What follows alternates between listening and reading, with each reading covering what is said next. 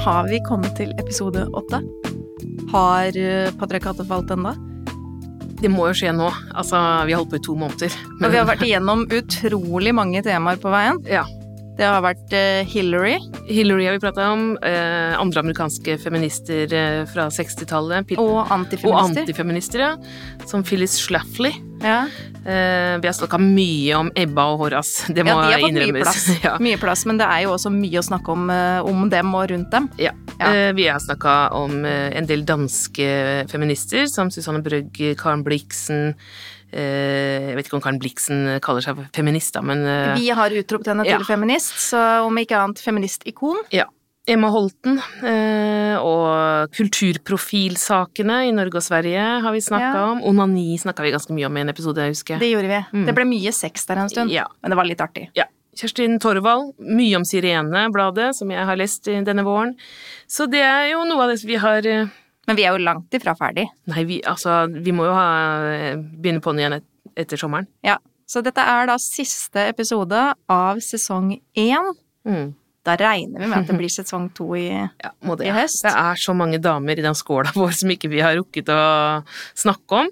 en hel gjeng. Mm. Og endeløse mengder og temaer, og dette er jo litt sånn Nå har jo vi drevet og snakka i ganske mange år, du og jeg. Mm. Jeg føler at dette egentlig bare er Vi fortsetter på det samme. Ja, det er eh, litt deilig at noen, noen flere hører Kanskje noen flere hører på. Vi får bare håpe det er interessant for andre også. Ja. Men en av de damene oppi skåla mm. er Vibeke Løkkeberg. Og Ja. det lovet du forrige episode, at du skulle snakke mer om henne og biografien. Ja, det gjorde jeg, fordi jeg leste den Den kom ut i januar. Eh, biografien den heter eh, Vibeke Løkkeberg, en kunstnerbiografi, og er skrevet av Johanne Kielland Servold, som er filmbiter. Eh, og eh, jeg leste den fordi jeg skulle intervjue forfatteren på scenen. Eh, og Vibeke var der eh, også, eh, så det var ganske nervepirrende, syns jeg. og vi skulle, viste også klipp fra filmen eh, underveis. Så jeg fikk en, et godt innblikk i en historie som man på en måte trodde at man kunne fra før. Eh, hvis man er på vår alder i Norge, så har ja, Vibeke Løkkeberg alltid vært der, og så har alltid vært en del av mediene og, og sånne ting. Men, eh, men der var det ganske mye som man ikke har fått med seg, selvfølgelig, også. Eh, blant annet så var det jo den starten, for at eh, på 80-tallet når jeg vokste opp, så var hun jo allerede en etablert regissør og lagde sine egne filmer. Men hun begynte jo eh, i en slags eh, par... Eh, Kreativt parforhold? kreativ parforhold. ja, med, med daværende ektemann Pål Løkkeberg. Det var seint på 60-tallet. Han var jo en del år eldre enn henne. Hun var eh, fersk eh, på den tiden wannabe-skuespiller. Hun søkte på Teaterhøgskolen, hadde også vært fotomodell. Hun er jo fantastisk eh, flott. Det eh, tror jeg og vi også vi har nevnt før. det har vi også nevnt før. ja. Høres ut som jeg har den crushen på Litt crush på Vibeke crush, Løkkeberg. Ja. Eh, men eh, greia var jo det at denne Paul altså det er, Når man leser det i dag, så er det helt sånn sjokkerende. Den gangen så var liksom dette her eh, nærmest sett på som eh, helt eh, greit, da, lenge, ja, 40 år før metoo. Men de der, eh, den måten eksempel de ble sammen på, da, det var én ting. Ja, men Fortell om det. Fortell om hvordan de ble sammen, for dette syns jeg var artig. Ja, hun eh, søkte på Teaterhøgskolen. Han satt i juryen. Det er i utgangspunktet eh, da Han var liksom en etablert regissør. og la oss bare si metoo Ja. her med en gang. Og det som, eh, som eh, skjedde der, at hun, hun var på opptaksprøve, og noen dager seinere så ringte han, eller tok kontakt med henne, han ringte og inviterte henne på restaurant. Og på dette da aller første stevnemøtet, om man kan kalle det det, så fridde han og bekjentgjorde sine planer om deres felles fremtid, og det var da at hun skulle bli hans kone og muse, han brukte ordet muse, eh, og spille i eh, spille hovedrollene i hans eh, banebrytende filmer, da, som det skulle være. Tror du han var litt grann påvirka av Ingmar Bergman, eller? En smule, kanskje. Det, er, det ser noen tendenser der òg. Mm. Altså Det var en sånn modell på den tida sant, med, i, rundt i Europa også, at man hadde sånn regissør- og skuespiller, eh, skuespillerinnepar, da. Ja, og musiker. Musiker, Ja, også ja, sammusiker, med også litt den derre Hun er den pene, flotte, han er den som er har Ikke sant. Talentet. Ja, talentet. Og det var jo eh, Han kalte seg for autør, og det var det som var denne tradisjonen. ikke sant? Det, så det som dette førte til, at eh, hun gikk jo på en måte nesten nærmest inn i en slags avtale med han om at de skulle gjøre det på denne måten. Eh, og det førte til at eh, hun kom jo inn på Teaterhøgskolen, men hun fikk ikke lov å fortsette der eh, av ham, fordi han ville at hun skulle være amatør. Fordi at en amatør eh, har en sånn mer umiddelbart uttrykk, og det, han mente at eh, utdannelse tar bort eh, den eh, siden av det, da. Det er jo litt gøy når han da sitter som jury for de som skal inn på, på skuespillerhøgskolen, men så mener han at egentlig så er det best å være amatør. Ja. Sånn var det, i hvert fall hvis man var liksom et sånn vakkert naturbarn som han mente hun var da, så kunne, det, kunne hun miste alt, alt det der. Så det var liksom den derre muserollen som uh, var veldig akseptert sånn uh, i offentligheten også å snakke om, da. Så det var ingen som stilte kritiske spørsmål til det på den på akkurat uh, det med muser. Eh, og det, for eksempel, da, så var det en annen eh, et, eh, en historie der hvor en journalist som da spurte Pål Løkkeberg om han kunne fotografere Vibeke naken.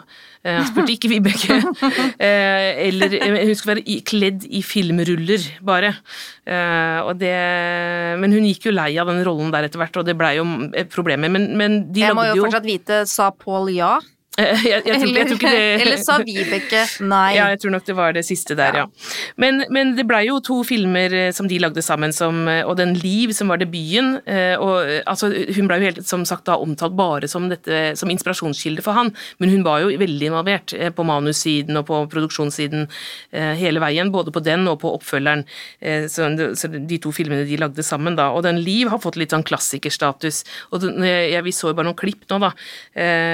Men det var jo veldig fascinerende og spennende eh, bilder. Altså jeg, tenkte, jeg fikk veldig lyst til å se den filmen, men den fikk blanda mottakelse som så mye annet hun eh, har eh, lagd. Og når man leser liksom resepsjonen av både den fra 60-tallet, men også de filmene hun lagde på 70-tallet og 80-tallet og 90-tallet, så, så, så er det liksom den sexistiske tonen som man blir slått av mest, da. Altså jeg er ikke filmekspert, så jeg kan ikke vite på, Eller jeg kan ikke liksom Det kan godt hende at en del av de negative anmeldelsene var på sin plass eh, her og der, det vet jeg, vet jeg ikke, men, men det var jo hele veien på, på det med kvinne og de, det ordbruken og beskrivelsen av åssen hun ser ut, som var helt drøye, og, og eh, ja, hele veien, da, helt fram til i dag. Men så har hun jo etter hvert fått en slags revenge, da, for hun har liksom, det jo, nå blir hun jo veldig anerkjent. Nå blir det satt opp egne filmkvelder med Vibeke Løkkeberg, hun har fått Amandas ærespris, eh, denne tjukke, flotte biografien. Så det er jo på en måte men Og det er jo helt på sin plass, for det er jo et eventyrlig kreativt liv hun har levd. og enormt mye spennende filmer. Jeg syns Ja. det var også Og bøker, veldig ja, Hun har også blitt eh, eh, anerkjent forfatter. Men det, jeg syns jo det var en ting Den eh, debutfilmen hennes, det var litt spennende lesning, for den hadde ikke jeg hørt om engang. Det, det var en film som heter Abort, eh, som tok opp abortspørsmålet eh, på en veldig bra måte mange år før det egentlig eh, det virkelig brant i offentligheten. Altså det var i 72, eh, og den ble vist over hele landet på filmklubber med store diskusjoner etterpå. Så den, sparka mer eller mindre i gang kvinnebevegelsens abortdiskusjon. Ja, og det er jo det som Det er ikke sikkert alle er klar over det, men selv før vi fikk fri abort i Norge, så var det jo slik at du, du kunne søke om å få utført abort, og da måtte du møte i en nemnd. Ja. Og denne, denne diskusjonen om nemnden altså, mm. det, kan, det kommer vi tilbake til litt senere i Ja. eh, dette programmet. Men dette med nemnden, Mm. og at du skal møte opp for noen og gjøre rede for hvorfor du Mm. skal gjøre det inngrepet du ønsker. Ikke sant. Det var hovedtematikken i, i eh, denne, filmen. abort. Ja. Ja, og så Den var også basert på um, personlige erfaringer for Vibeke, som hadde stått foran en sånn nemnd. Og, og det også gjelder gjennom mange av disse Ofte så tenker man Vi snakker så mye om virkelighetslitteratur, ikke sant? at forfattere bruker sitt eget liv i bøkene, men eh, det gjør jo ofte regissører òg, og det har jo Vibeke gjort i veldig stor grad. Det er mange av filmene som har røtter i hennes eh, opplevelser, ikke minst eh, Løpejenten, da, som er kanskje den mest eh, hyllede filmen. Den ble jo en kommersiell suksess. Mm. Ja, men Eh, oppvekst under krigen i Bergen, ja. ikke sant? Eh, så det handler Det er jo i i stor grad hennes egen historie.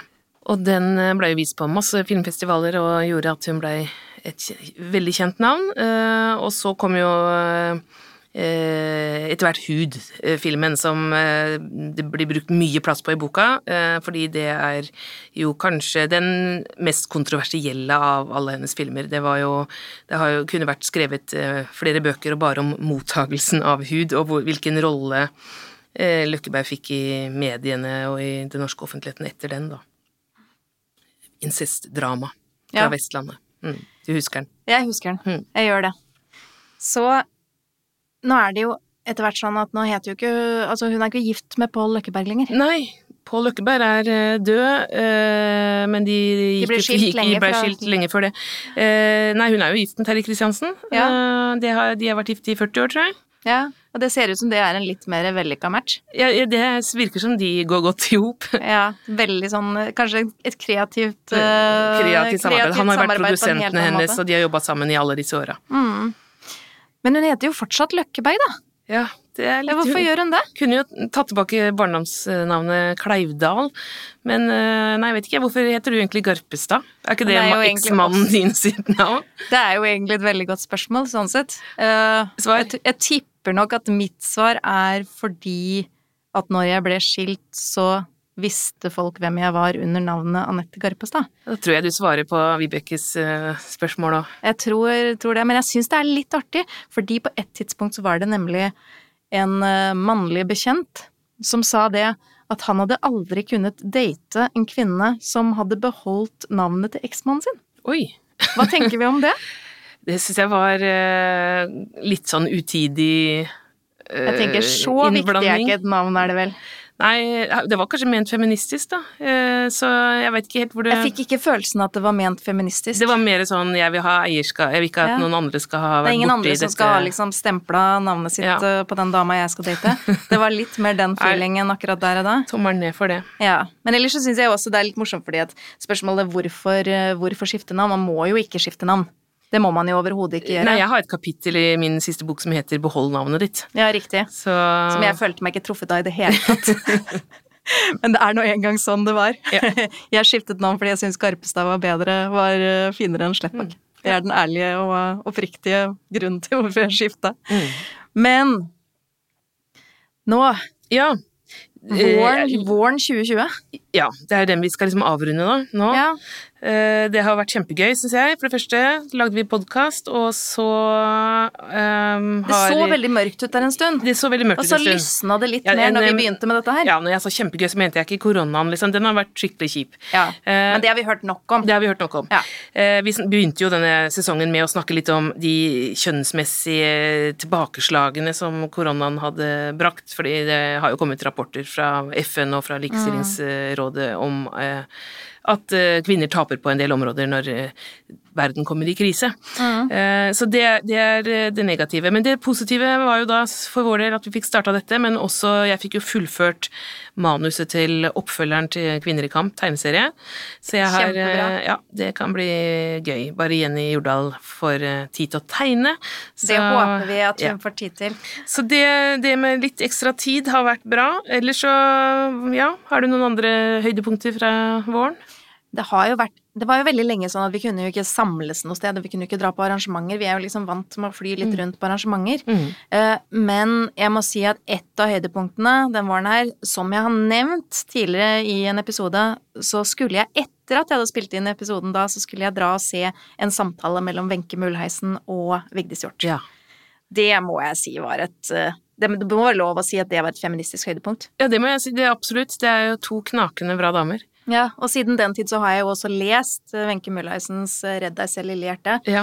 Anbefaler den så varmt og inderlig. Mm. Det er så mye å snakke om der når det handler om å være godt opp i åra og fortsatt uh, være et seksuelt vesen og Mm. ha behov for å bli attrådd og ha et behov for å også liksom bli sett og få omsorg og bli tatt vare på. Det er helt hjerteskjærende. Mm. Eh, Det handler om en mann som går fra eh, en kone etter 40 år. Nei, han går jo ikke. Det er det som er. Han, har, han eh, innrømmer for henne mens de sitter De har vært på ferie sammen i Triest. Og han innrømmer for henne at 'jeg har et forhold med en kvinne som er 15 år yngre'. Uh, og dette var jo også litt uh, Der var det jo anmelderen i Aftenposten som syntes at uh, det å snakke om at kvinner blir forlatt for 15 år yngre damer, det er jo en klisjé. Hallo! Det er ikke en klisjé! Det er statistikk. Ja, jeg så det ble litt debatt rundt det Ja. eh, at forleggeren mente han hadde misforstått eh, hele Ja. poenget. Der syns jeg det var helt på sin plass at Kari Marstein gikk fra Gyllendal Forlag faktisk gikk ut og sa nå må du ta deg sammen. Mm. For det syns jeg han burde. Det var en sånn mannlig, mannlig blikk Det var på det et hele, blikk, kanskje. men så skal man jo også si at uh, anmelderen i VG, som også er mannen, ga boka terningkast fem. Ja. Så noen har jo helt opplagt litt annet syn på hva som er god litteratur og ikke. Men det er en virkelig god bok som jeg syns eh, mange skal lese. Og den samtalen som hun hadde sammen med Vigdis Hjorth den kvelden, og liksom se disse to kvinnene som har vært sånne virkelig kraftsentrum i form av både kunst og litteratur, sitte og ha en samtale eh, på Gyldendal-huset, som det var, det, Mm. var det er jeg veldig takknemlig for at jeg fikk med meg. Mm. Jeg skulle gjerne vært der. Jeg leste jo i den eh, andre boka av Mulheisen Muleisen, jeg, da, om eh, tiden i dette AAO-kollektivet eh, i Østerrike. Den leste jeg for eh, noen uker siden, og det var veldig fascinerende. Så jeg gleder meg til å lese Lese, Denne. Ja, og da syns jeg også det var veldig morsomt når Wenche Mullaisen midt under samtalen sier til, eh, sier til Vigdis Hjorth Ja, men det er jo så spennende å snakke med deg, for du har jo levd et så vilt og kunstnerisk liv. Og jeg bare wow, sier hun! Ja, ja ikke sant. Jeg tenker Når jeg snakker om de to sammen, så tror Ja. jeg egentlig at Wenche Mullaisen leder litt. Men, eh, Ja. men for noen damer Og jeg tror faktisk den samtalen ligger ute på nett, så hvis folk ikke har sett den, så anbefaler jeg at folk gjør det. Mm. Andre høydepunkt, da? Ja, for min Ja. del Ja, for din del. For min del så er jo 26. mai nå eh, en merkedag som skal inn i kalenderen og feires. Hva skjedde da? Da ble det vedtatt eh, at det blir eh, endringer i bioteknologiloven. Det var den eh, saken, ja. Den er du engasjert i. Den er jo jeg engasjert i og har vært engasjert i lenge. Ja, for jeg, jeg leste jo et kapittel som du skrev i den abortboka til, som Susanne Kalusa redigerte. Ja, det som- handler jo litt om det samme, gjør det ikke det? Det handler om det samme, og det var jo forrige runde vi hadde med, med endringer som var ønsket å gjøre med adgang til abort. Eh, og det var jo utgangspunktet faktisk en kronikk fra Morgenbladet som ble brukt i den boken. Men det var jo ikke første gang jeg skrev om Men hva er det du skriver? Er- Hvorfor er du så engasjert? Altså, engasjementet mitt bunner jo i at i mitt første svangerskap for 16 år siden, så ble det oppdaget feil på fosteret i da uke 17. Mm. Og det er jo fordi at du får jo ikke ultralyd før eh, hvis du ikke vet bedre og skjønner at du må gå og skaffe deg det privat. Mm. Eh, og det viste seg at dette barnet jeg bar på, det hadde ikke sjans å overleve, men vi brukte jo to ukers tid frem og tilbake på å ta alle tester man kan tenkes å ta. Da er man i uke 19. Mm. Eh, Det er langt det er på vei. halvveis Ja. i et svangerskap, hvis noen skulle være i tvil om Mm, det. mm. Så de som tar, tenker at det er noe easy-peasy, det er det ikke. Men dette kunne vært oppdaga mye tidligere? Dette kunne med all sannsynlighet ha vært oppdaga tidligere. Mm. Og det er jo det som er liksom, har vært min kampsak i det hele, da. Jeg er jo for hele pakka. Men tidlig ultralyd, adgang til tidlig ultralyd for alle, Mm. og tilgang til NIPT-test. At man skal slippe å ta eh, invasive, altså fostervannsprøve, hvis ikke det er nødvendig. Det syns jeg også er en selvfølge at de som er gravide i Norge i dag, skal ha. Mm. Så, så jeg satt og fulgte med live på Mm. avstemningen i Stortinget. Det gjør jeg ikke veldig ofte, og var oppriktig redd for at det ikke skulle gå gjennom. Og var så letta og lykkelig når alt kom på plass. Jeg må også si at jeg for første gang i mitt liv har eh, hørt på en Frp-politiker og, og sittet og heiet. Så heia Silje Hjemdal. Ja. Godt jobba. Mm. Skal gi de kred når de Ja, ja. har anledning til det. Ikke sant. Så, så det er det det handler om eh, for meg. Og jeg vil bare si nå at liksom 16 år Mm. 16 år har eh, faktisk eh, den fødselsomsorgen ikke blitt endra på. Ta en skål på det. Vi tar en skål på det.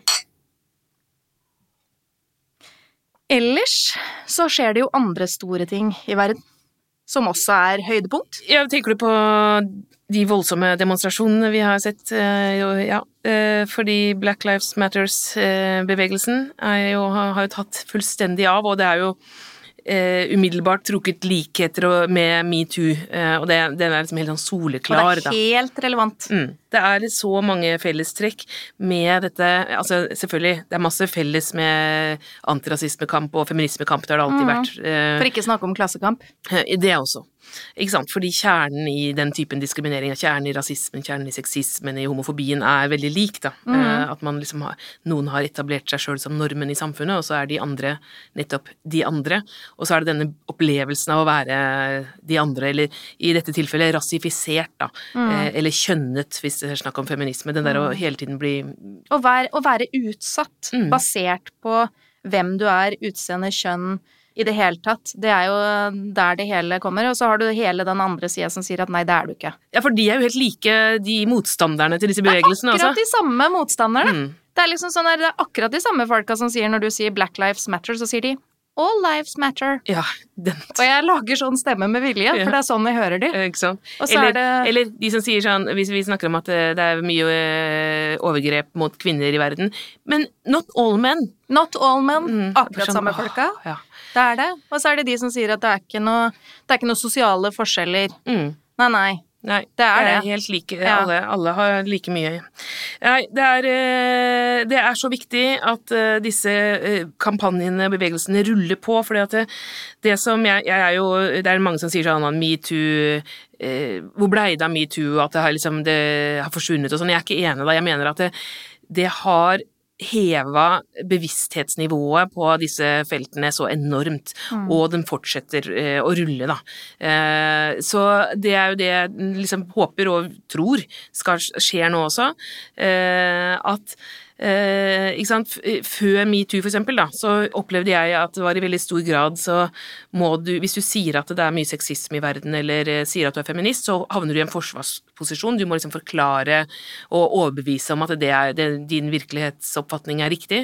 Og det er jo det samme som eh, folk i Norge som sier at det er mye rasisme, havner i hele tiden, ikke sant. Nei, men det er jo ikke mye rasisme. Ja, kanskje litt i USA, da, men det er jo ikke det her og sånn. Og så følelsen av å ta den samme diskusjonen igjen og Ja. igjen og igjen. Kamara det Jof har skrevet en bok om akkurat det som heter uh, Jeg, eh, Jeg snakker om det hele hele tida. tiden. Ja. Så det, akkurat den der følelsen der, og det er jo det som jeg føl, kan, opplever at kanskje etter metoo så har vi kommet ett skritt videre, eh, på, syns jeg, da. Mm. Jeg mener at det liksom, du kan være i mange situasjoner hvor du ikke må begynne på den der basisen der, men hvor vi er, liksom, vi er enige om at det er eh, mye ulikestilling og sexisme, og så kan vi ta det videre. Ja, og så tror jeg også at adgangen til å være den som kommer inn i diskusjonen og sier ja, men hør da. Mm. At flere tar den rollen. At det er ikke sånn at du føler at du må stå aleine og ta den diskusjonen lenger, men at du faktisk har folk som backer deg, og folk som også står og sier når de sier nei, det er ikke sånn. Jo, det er faktisk sånn. Så det er liksom noe med å ikke gi seg, da. Mm. Nei, det, det er ja, det, Vi kan nesten si at dette var det definitive høydepunktet, da. Uh. Nei, vi må si at det var det definitive, definitive høydepunktet, og at det er jo Men ikke slutt. Fortsett å dytte. Ja. Fortsett å stå på. Fortsett å argumentere. Fortsett å ta diskusjonen. Gjennom- selv om det er, om det er så tungt, og selv om det er varmt ute. Ja. Det er liksom Den diskusjonen må ikke oh. slutte. Og så vet vi jo også det at eh, når denne episoden kommer på lufta Den kommer ikke på lufta, den kommer på nettet. Mm. Så er vi også midt i Oslo Pride. ja, det er pride. Pride. Og Selv om det ikke blir som som det pleier, å være. ja. Som vi skulle ha sett Mm. de togene gjennom Oslos gater, som vi skulle ha sett en storstilt feiring av at eh, kjærlighet er kjærlighet, og at eh, vi alle sammen. Eh, det, det hadde vi trengt nå. Ja, det hadde vært så deilig, men uh... Men uansett, go pride. go pride. Absolutt. Vi er fortsatt på Facebook. Vi er på Instagram. Du kan nå oss på e-post på patriarkatefaller.gmail.com, og vi hører gjerne fra deg. Du har hørt podkasten Patriarkatet faller av og med Marta Breen og Anette Garpestad. Teknikk og musikk ved Margarita Krimici, og utgiver er Cappelen Dam Forlag.